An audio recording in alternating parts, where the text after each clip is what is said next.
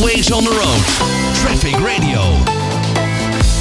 Een elektrische auto zou naast dat het goed voor het klimaat is, ook goed voor de portemonnee moeten zijn. Maar dat blijkt helaas door de huidige energieprijzen flink tegen te vallen. Zo zouden volgens de Telegraaf eigenaren van een elektrische auto zelfs duurder uit zijn dan de eigenaren met een benzineauto.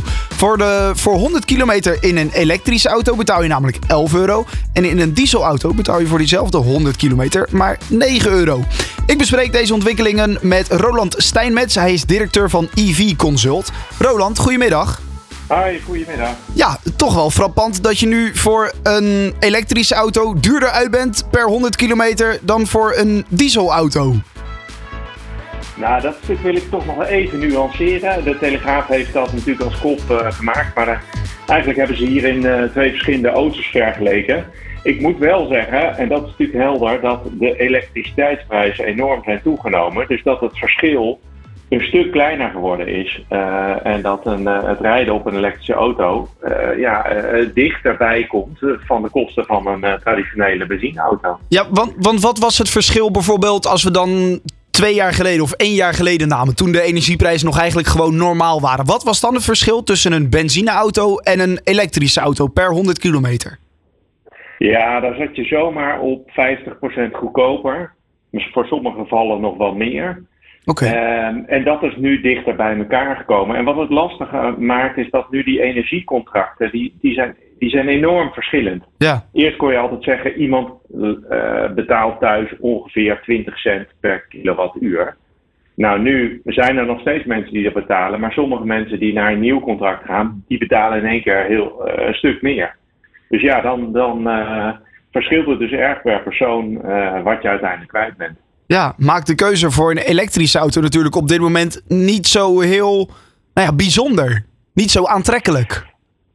Er zijn natuurlijk allerlei overwegingen om elektrisch te rijden. Ik denk dat, het, uh, dat heel veel mensen beseffen dat, dat we iets moeten doen aan de verbetering van ons klimaat en de lokale uitstoot. Dat blijft nog steeds een stuk beter natuurlijk ja, met, ja, ja. Uh, met een elektrische auto. Dus voor je omgeving zeg maar, zou je het altijd moeten doen. Um, en dan is het ook nog even de vraag wat het betekent voor je portemonnee. Maar inderdaad, uh, het zal het een tijd en hoe lang dit duurt, kunnen we allemaal niet zeggen. Maar op de langere termijn heeft eigenlijk, nou zeg maar, de wereld, Europa en Nederland gekozen om over te gaan op zero-emissie rijden. En dan zie ik het dus even op de grote schaal wel als een tijdelijk, tijdelijk probleem. Precies, ja, dat, dat moet het inderdaad wel worden. Er moet iets uh, aan gedaan worden om te zorgen dat die prijzen inderdaad weer omlaag gaan. Sowieso voor de huishoudens natuurlijk, maar dat maakt ook de elektrische uh, auto weer een stukje uh, ja, aantrekkelijker. zit er dan voor de mensen die nu toch een ele elektrische auto hebben en hier naar luisteren, zit er dan nog een verschil tussen de laadpaal thuis, waar je dus inderdaad thuis je contract mee afsluit met de energiemaatschappij, en de laadpaal die je naast de snelweg kan vinden? Ja, dat is een hele goede vraag. Want per plek verschilt het nogal. Thuis heb ik een uh, flexibel energiecontract. Dus ik laat vooral vaak in het weekend, dan zijn het hele lage stroomprijzen. Ja. Soms zelfs gratis. Dus ik heb een prijs die, die wisselt oh. per uur. Ja. Um, omdat ik eigenlijk een koppeling heb naar de energiemarkt. En heb een appje die dat uitzoekt voor mij, dus die helpt mij daarbij. Dus ik kan echt heel goedkoop laden. Ik voorkom wel het laden langs de snelweg. Net als met tanken is dat vaak duurder. En dan heb je eigenlijk de derde plek die jij noemde, de publieke palen. Ja, dat, dat is een beetje oneigenlijk gebruik. Maar wat je ziet is dat sommige publieke palen, die hebben nog het oude stroomcontract. Ja. En, en daar is het soms best wel goedkoop. Dus ik moet zeggen, ik hoor wel van mensen die nu wat meer publiek laden, om, uh, omdat daar die prijs lager is. Ja, en dat zijn van die laadpalen op parkeerplaatsen bijvoorbeeld. Ja, dat zijn eigenlijk de laadpalen die gewoon op straat staan, ja. zeg maar, op de gemeentegrond, gewoon ja. langs een parkeerplek, ja. langs de stoep, zeg maar. En dat zijn vaak lange termijn contracten, die zijn voor, voor acht of tien jaar afgesloten. Dus uh, die prijs blijft daar, uh, is daar nog iets langer laag gebleven eigenlijk. En, uh, en soms kan het aantrekkelijk zijn om daar te laden. Is het dan geen gevaar dat die contracten met die, met die laadpalen die dus op gemeentelijke grond staan, die voor lange tijd zijn vastgez, vastgezet, die contracten, dat die worden opengebroken en dat ook die prijs omhoog gaan? Want ja, de, de, gemeente, als de palen van de gemeente zijn, die moet er ook aan verdienen.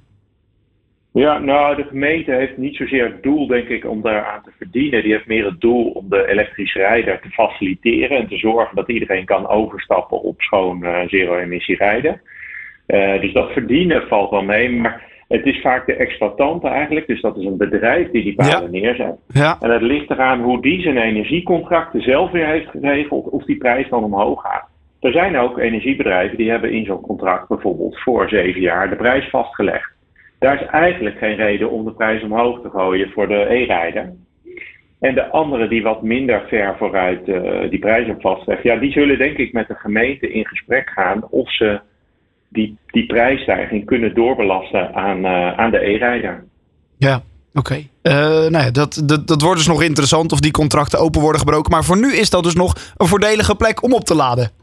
Zo is het. Ja, daarom. Dan hadden wij op onze, op onze Twitterpagina Traffic Radio NL hadden wij een, um, een Twitterpoll geplaatst met daarin de vraag of nou ja, deze stijgende elektriciteitsprijzen het weerhoudt om elektrisch te gaan rijden. Hè? Om voor mensen over te stappen van een benzineauto naar een elektrische auto. Uh, veel mensen zeggen daarop, 65% namelijk, die zeggen ik blijf benzine rijden. Uh, 35% die zegt nee hoor, het maakt mij allemaal niet zoveel uit. Ik zou net zo graag willen overstappen. Maar er waren ook wat interessante reacties op. Onder andere bijvoorbeeld van Pieter Baltus. Hij zei elektrische auto's hebben geen toekomst. Ons netwerk kan geen duizend elektrische auto tegelijk opladen. En waarschijnlijk hebben we daar ook uh, nog niet genoeg stroom voor beschikbaar. Als we nu nou ja, naar die verbeteringen, aan, aan die verbeteringen gaan beginnen. Hoe kijk jij naar zijn reactie op onze Twitterpoll?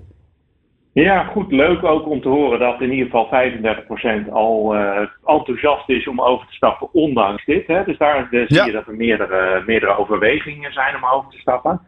Ehm, ik, het is eigenlijk hetzelfde als jij op maandagochtend in de file staat op de ring A10 eh, rond Amsterdam en zegt nou, onze snelweg kan de auto's niet aan. Vervolgens rij jij daar terug van eh, Traffic Radio om, eh, om één uur s'nachts overheen. Denk je, waar had die man het toch over? Hè? ik kan Ja. hier toch eh, gewoon rustig rijden. Ik zie eigenlijk bijna niemand. Ja. Dit is eigenlijk de vergelijking met het energienet. Dus mijn, wat ik wil zeggen, probeer dat opladen s'nachts te doen, zoals ik dat doe in het weekend. Dan is het ook goedkoper. En dan, dan, dan is er de ruimte op het energienet. Dus ja, we hebben best een probleem op het energienet. Er wordt enorm geïnvesteerd, ook om gewoon de, nou, zeg maar de wegen te verbreden. Omdat er veel eh, geëlektrificeerd wordt. Ja. Eh, maar er zijn goed veel mogelijkheden om dit ook buiten de piekmomenten te doen. En dan is er juist hartstikke veel capaciteit, net als op die snelweg. Als we kunnen zorgen dat dat wat meer gespreid wordt. En dat kan niet voor iedereen, maar als een heel een groot deel dat wel doet, dan gaat dat hartstikke goed. Kijk. En dan kunnen we alsnog overstappen op die elektrische auto.